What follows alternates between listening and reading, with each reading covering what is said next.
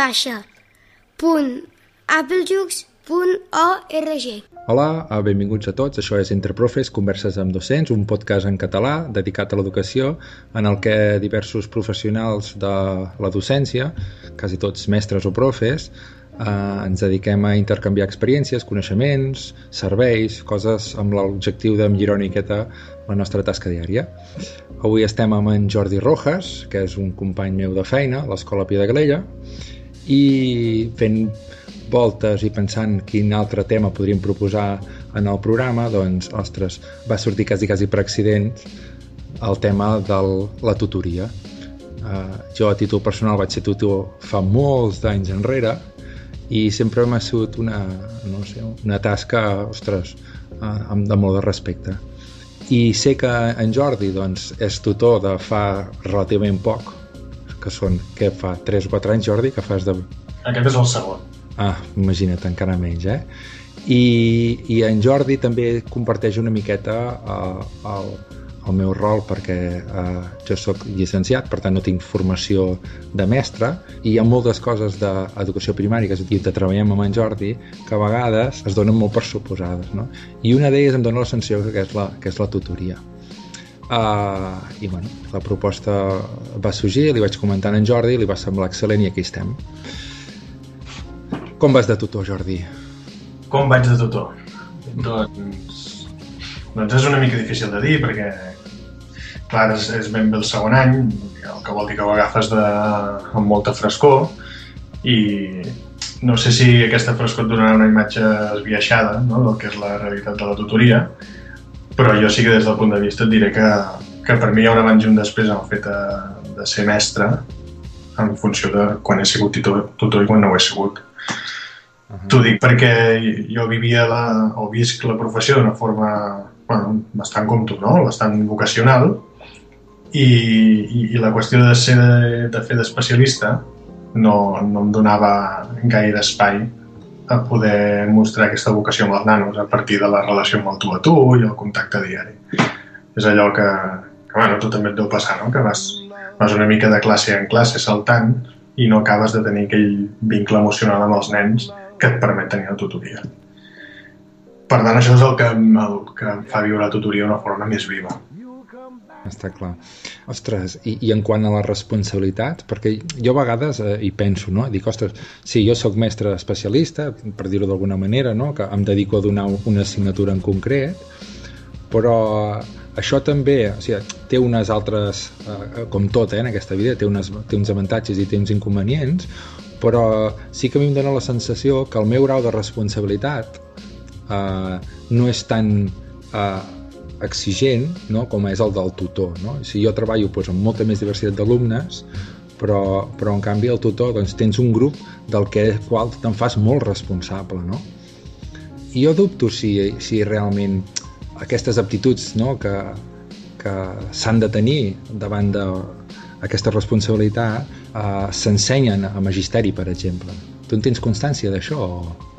Home, mira, jo et diré eh, que les aptituds que es consideren o que, que es creuen que són necessàries no deixen de ser més d'una qüestió de perfil personal que no del perfil professional, perquè són coses eh, tan poc ensenyables o tan poc adquiribles com és l'empatia, per exemple, no? L'empatia que tu necessites en una entrevista de tu a tu amb una família. Això en els plans d'estudi de, de cap magisteri es dona, almenys que jo sàpiga. Mira, jo he fet magisteri, vaig començar amb el pla antic, el previ aquest a, a Bologna, i, i ja, no, ja no existia. I ara amb el nou pla, que és el que estic cursant ara, doncs sí que probablement existeix una mica més, perquè es fan unes assignatures, no? toca el tema d'escola-família, però ja et dic jo que, que se suposa que has de tenir-ho, has de ser una, un perfil X. I, el, I pel que deies tu de, de la responsabilitat, home, doncs, mm, amb això suposo que no vols dir que els especialistes siguin, siguin uns irresponsables, no? No, no, el que, Però- no ja ho, he, ho he matisat, eh? He dit, he dit el nivell de responsabilitat. No intentis canviar les paraules. No, però el que sí, el que sí que et dona això de ser tutor és un alt, un, un alt grau d'exposició respecte a les famílies que l'especialista no té. Clar, sí que has d'estar donant la cara per una uh, dia a dia per un, per un munt de coses que a vegades com, competeixen els fills i a vegades no. Però, però a mi em sembla que el nivell de responsabilitat mm, sobre els nanos que tenen els especialistes i que tenen els tutors és el mateix. El que sí que passa que, que els tutors han de fer tota una sèrie de tasques que són aquelles una mica administratives i burocràtiques que els especialistes no, no, no feu jo no feia quan era especialista. I, i, i ara que dius això, eh? Perquè ara m'ha vingut al cap. I, clar, tutors a primària eh, no n'hi ha pas gaires. Jo estic, estic pensant en escoles que conec i, i jo crec que eh, no sé quin percentatge hi ha, però quasi tots sempre són dones o noies, no? Sí, home, jo suposo que és per aquella qüestió de que la imatge bucòlica del que ha de ser un mestre primària és una persona dolça, una persona afable, una persona empàtica i no sé, mira, suposo que, que, que els nois o els homes això sembla que no ho podem tenir tant. Mm, bueno, és una, és una forma d'entendre com ha de ser la relació alumne-mestre. Mm -hmm. Jo no la visc així, perquè jo aquesta, aquesta afabilitat no? ja, ja se'm nota pel to de veu que no la tinc. Però... I, per, I perquè no t'han vist, perquè... Però per exacte. soc, soc un paio que faig bastanta por, però... Però sí, sí que tens raó, però és que de fet és una cosa que ja ve de les facultats eh, i, que, i que la vocació per ser mestre de, de primària, ja no parlem d'infantil, sempre ha sigut més una qüestió de, del gènere femení. Mm -hmm. Mira, no som dos homes aquí parlant d'educació. Ah, sí, tens raó, eh? Um, I ara t'he canviat de tema i, i uh, posant-me posant en el rol de, de l'especialista Sí, eh? uh, sí que és cert que a vegades els especialistes entenent l'especialista com aquell que uh, fa només unes assignatures en concret Mm -hmm. uh, es queixen de que moltes vegades uh, l'alumnat no té no mostra tant de, uh, de respecte com el que pot tenir uh, davant del, del seu tutor no? Mm -hmm. llavors és poder la, la part contrària al que estàvem dient abans no? de quines són les virtuts de ser uh, tutor, quines són les mancances doncs aquestes m'ha vingut ara al cap no? perquè sí, sí que és cert no? que diu, ostres, no, Sí. arriba el tutor i diu, bueno, aquí tothom firme i atenció al que m'ha dirà perquè clar, suposo que és el que tu deies no? aquest vincle directe que tens amb la família o Sí. aquesta comunicació més freqüent Clar, va, pensa que en un moment donat l'alumne sap que el tutor és el que li pot tocar la cresta, el pare o la mare. Però, però no és, jo no crec que sigui tant per això, eh? jo crec que és per aquest vincle que es forma. Uh, Clar. em sembla que tu i jo som de la mateixa corda a l'hora de, de, de veure una mica les qüestions de, de disciplina, no? Uh, a mi no em sembla que la disciplina sigui tant una qüestió de mm, punitiva com de, de respecte l'un a l'altre. Què passa amb el tutor? El tutor és una persona que, que, que desplega molt de temps amb el seu alumne, que el coneix molt, però l'alumne també coneix el tutor. I aleshores també hi ha aquella relació en què l'alumne sap de seguida, només per una cara, un gest o una paraula, eh, si s'ha passat de voltes o no s'ha passat de voltes, si, si una mica el tutor està contrariat, i a l'inrevés. A mi no em sembla tant una qüestió de, de respecte, ai, de respecte, de disciplina, vull dir, sinó de, de, de respecte l'altre. Què us passa als especialistes? Coi, que veniu molt de tant en tant per la classe, no? Un o dos per setmana, i que a vegades es va massa per feina perquè hi ha, tot és, hi ha una qüestió de continguts que s'ha de complir i que no, no hi ha aquest marge de maniobra. No sé, jo no sé si tu ho vius així, però jo almenys quan era especialista ho vivia d'aquesta manera que havia de fer unes coses i no tenia temps per la qüestió relacional amb els alumnes. Sí, sí, clar. clar. Tens les hores de tutoria, no? les hores aquelles que queden mortes entre una cosa i l'altra i que pots aprofitar per... Uh, Mm. I que a més a primària tu saps que l'horari et dona per, quan ets tutor, et dona per fer i desfer i muntar-te una mica la teva manera i aleshores si tu consideres convenient que hi ha un dia que no toca fer medi i que toca resoldre un conflicte al pati, doncs pots perdre, entre cometes, eh? aquell per, per resoldre el conflicte al pati. I això, des del punt de vista de l'educació, mm, sobretot educació emocional, que és el que es necessita molt amb la relació amb l'alumne i tutor, des d'aquest punt de vista funciona, funciona molt bé. Clar, clar. Sí. Jo més que perdre, jo diria invertir, no? En solucionar... Sí, sí, això t'ho posava entre cometes, eh? Mhm. -huh. Sí, sí, tens raó, eh? Masses vegades estem allò, bueno, no? Sembla que hi ha molta gent preocupada per acabar els continguts i tal, i moltes vegades aquestes coses... Mm. Quan a vegades, una, una mica parodiant això dels, dels continguts, eh? jo a vegades he sentit a dir alguna persona que, que a la primària, en total, si surten de sisè, sabent llegir, escriure, multiplicar, sumar i restar, ja n'hi ha prou. Que la resta és formació com a persona jo, fins, evidentment, fins a aquest extrem no, però sí que hi estic molt d'acord que els continguts a vegades han de quedar una mica apartats i que els nens han de ser no només competencials amb, les, amb els coneixements, sinó també amb les formes i amb la manera de viure. Mm -hmm. Ja, ara, ara que planteges així uh, um, desitjos, mm -hmm. si tu poguessis fer una, una llista als Reis Mags i poguessis triar eh, fer certs canvis, no? poguessis escollir, eh, dir, ostres, a mi m'agradaria que eh, poder fer això i poder fer això i poder fer això, no?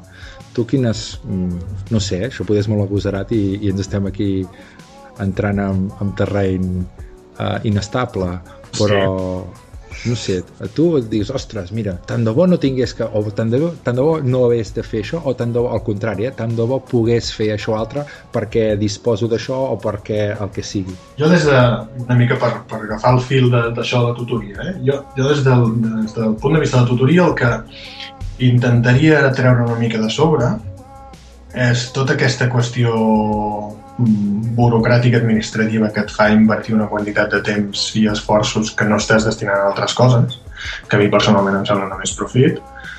Uh, estic parlant, per exemple, de, de registres d'entrevistes, de formularis que has d'omplir, de comunicacions que has d'enviar a administració, etc etc.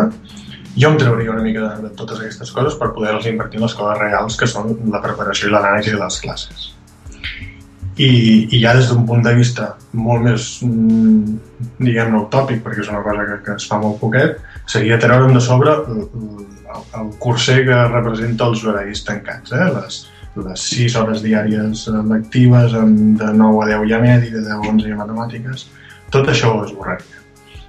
Perquè eh, a mi em sembla que els coneixements i els aprenentatges no hi entenen de temporització ni de ritme, i que, i que això una mica quarta, eh? quarta, per exemple, aquells moments d'èxtasi de, en els que entren, en el que entren els nanos a vegades quan aprenen, que no els pots frenar, i, i també permetria que nanos que en aquell moment no, no els hi ve de gust allò que està fent, poder-ho endarrerir per un altre moment. I, les, i que les coses poguessin d'una altra manera. Aleshores, per mi aquestes serien les dues coses que demanaria per Reis. I que segurament no em portaria, eh? però demanaria.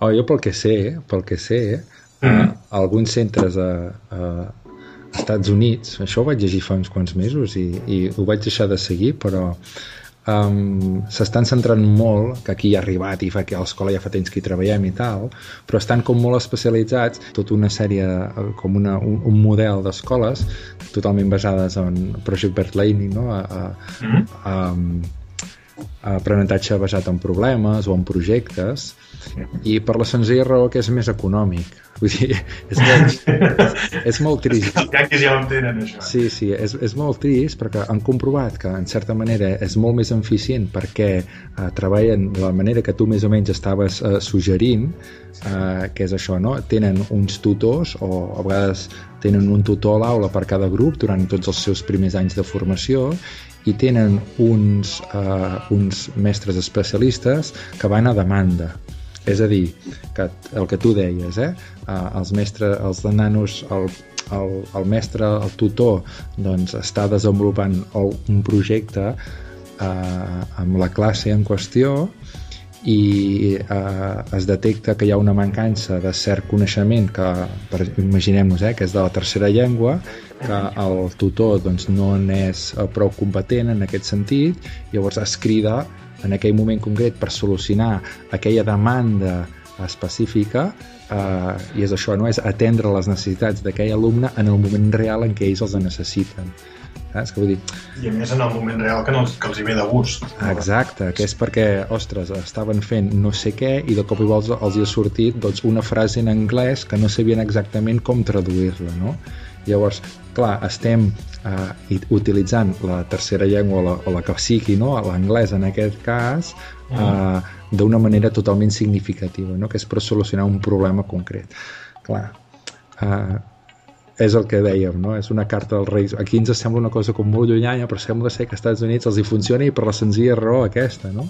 Uh, que, els, que és més econòmica. Per això de, de com es treballava a l'escola ara fa 20 anys o 25 anys.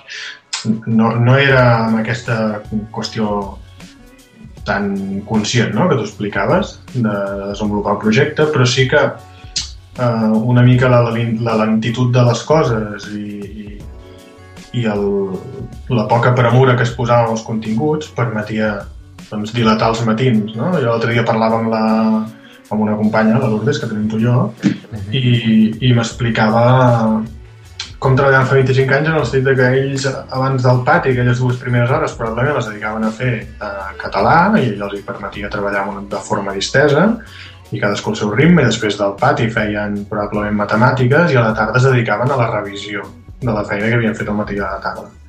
Ai, durant tot el matí. No és ben bé això que tu expliques, sí, sí, però... però, però, ja, però ja denota una, una forma de fer, pausada, en la que un nano saltava d'una fitxa a una altra, no? era l'època de, de les famoses fitxes, però bueno, era, no, no deixava de ser una cosa molt guiada, però, però a mi la qüestió del ritme és una cosa que em té, em té molt, molt esparverat perquè els nanos avui dia van a tot de pito i aquests horaris tan, tan tancats només els accelera més. I, i ja, ni parlar-ne que no, no permeten fer coses com la que tu explicaves ara. Sí, sí, és, és allò, no? que depèn de quines hores el, que el tinguis al grup, ostres, veus que no hi ha manera d'avançar, que estan totalment... Que, és que no toca, no correspon, no?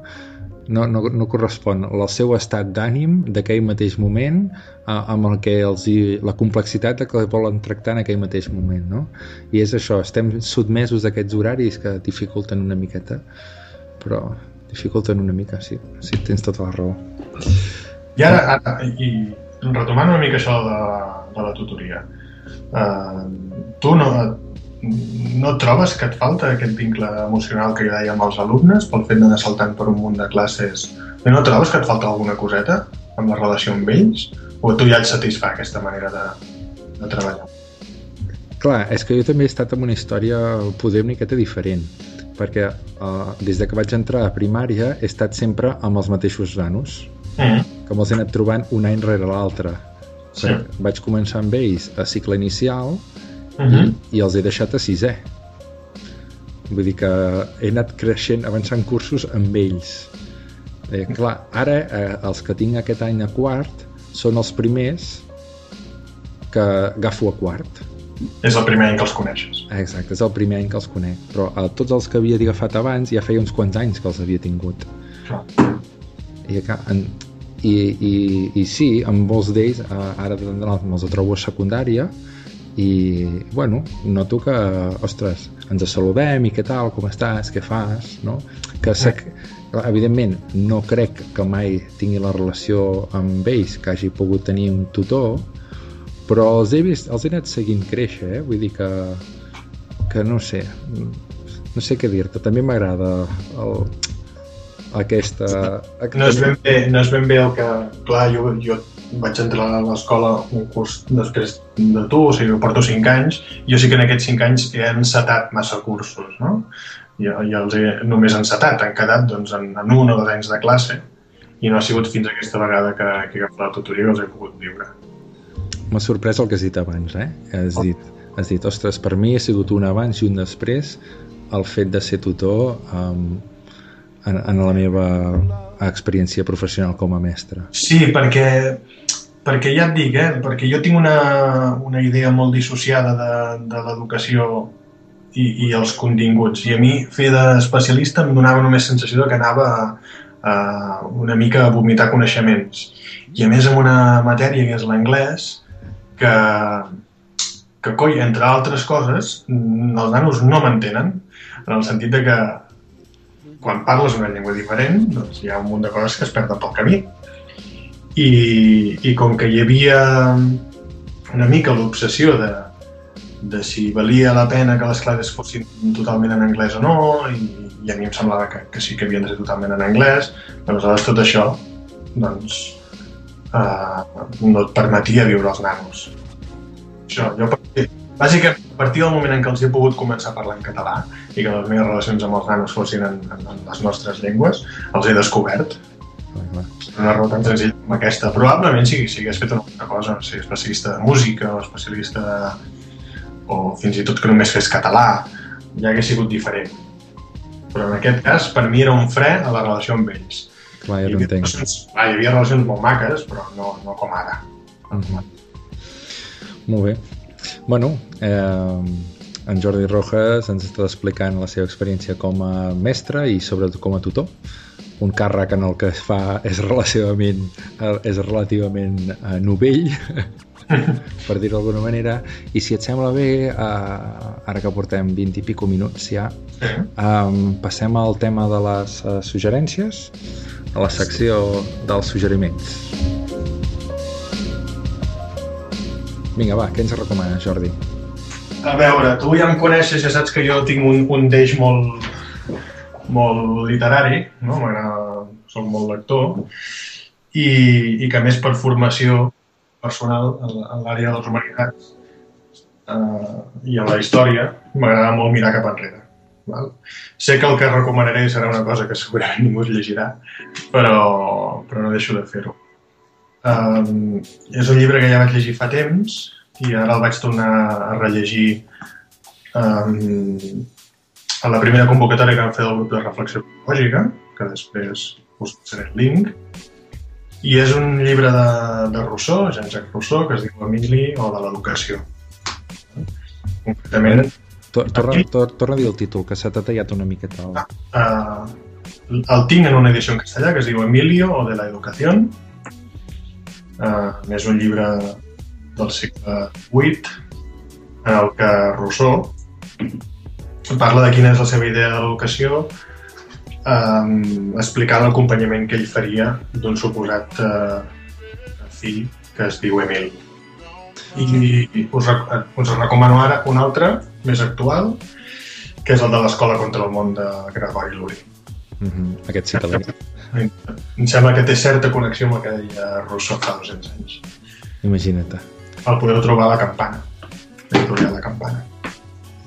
I, I el link que us deia, de, per si li interessa a algú, és un, un petit grup de reflexió pedagògica que tu has pogut venir alguna vegada, uh -huh. que comencem amb una idea que amb una altra totalment diferent, que ja és això, ja és això, eh? I, i que es diu grup de reflexió pedagògica.wordpress.com molt bé. De totes maneres, recordar-vos, ara que donen una adreça a Sant Jordi, que aquesta recomanació i totes les que hem anat fent al tots els podcasts els la podeu consultar en la pàgina a www.applejux.org com ja es repeteixen diverses vegades i que aquesta i totes estan allà resumides i contemplades. Vull dir que no fa falta que aneu corrents a buscar cap boli, que el trobareu allà ja apuntadet i preparat per utilitzar i descarregar. Molt bé, Jordi. Um, alguna altra cosa a afegir? Que t'animis a ser tutor, Cristian. Ah, jolines. bueno, això el temps ho dirà. a veure, a veure. I la meva recomanació eh, és molt fàcil. Eh, un programet de la tele que estic mirant, sorprenentment de TV3, que es diu Lletra Petita eh, i que dona molts consells eh, de cara a gestionar una casa i que per mi el fan una miqueta massa tard però que per depèn de quins cursos de primària pot ser molt interessant recuperar-les. A la pàgina eh, tv3.cat barra lletra petita hi han fragments que ja estan tallats i preparats per treballar i que, que bé, que pot, trobo que poden ser un bon recurs per anar formant les noves generacions en quant a la gestió eh, del que és una llar. Doncs bé, això ha sigut tot per avui. Uh, entre profes, converses amb docents. Avui amb en Jordi Rojas, que el podreu trobar. On te podem trobar en Jordi Rojas? Online. No sóc gaire, gaire fanàtic de les xarxes socials, però tinc un perfil de Twitter uh, que em trobareu com a crític vocacional. Arroba crític vocacional. Uh, no, és arroba Jordi Rojas i poc, però el títol serà... Ah, aquest. vale, ok. Tema solucionat. Molt bé, doncs jo sóc en Cristian Negre i bé, sobretot uh, salut i res més. Fins a la propera, que vagi molt bé. Adéu-siau.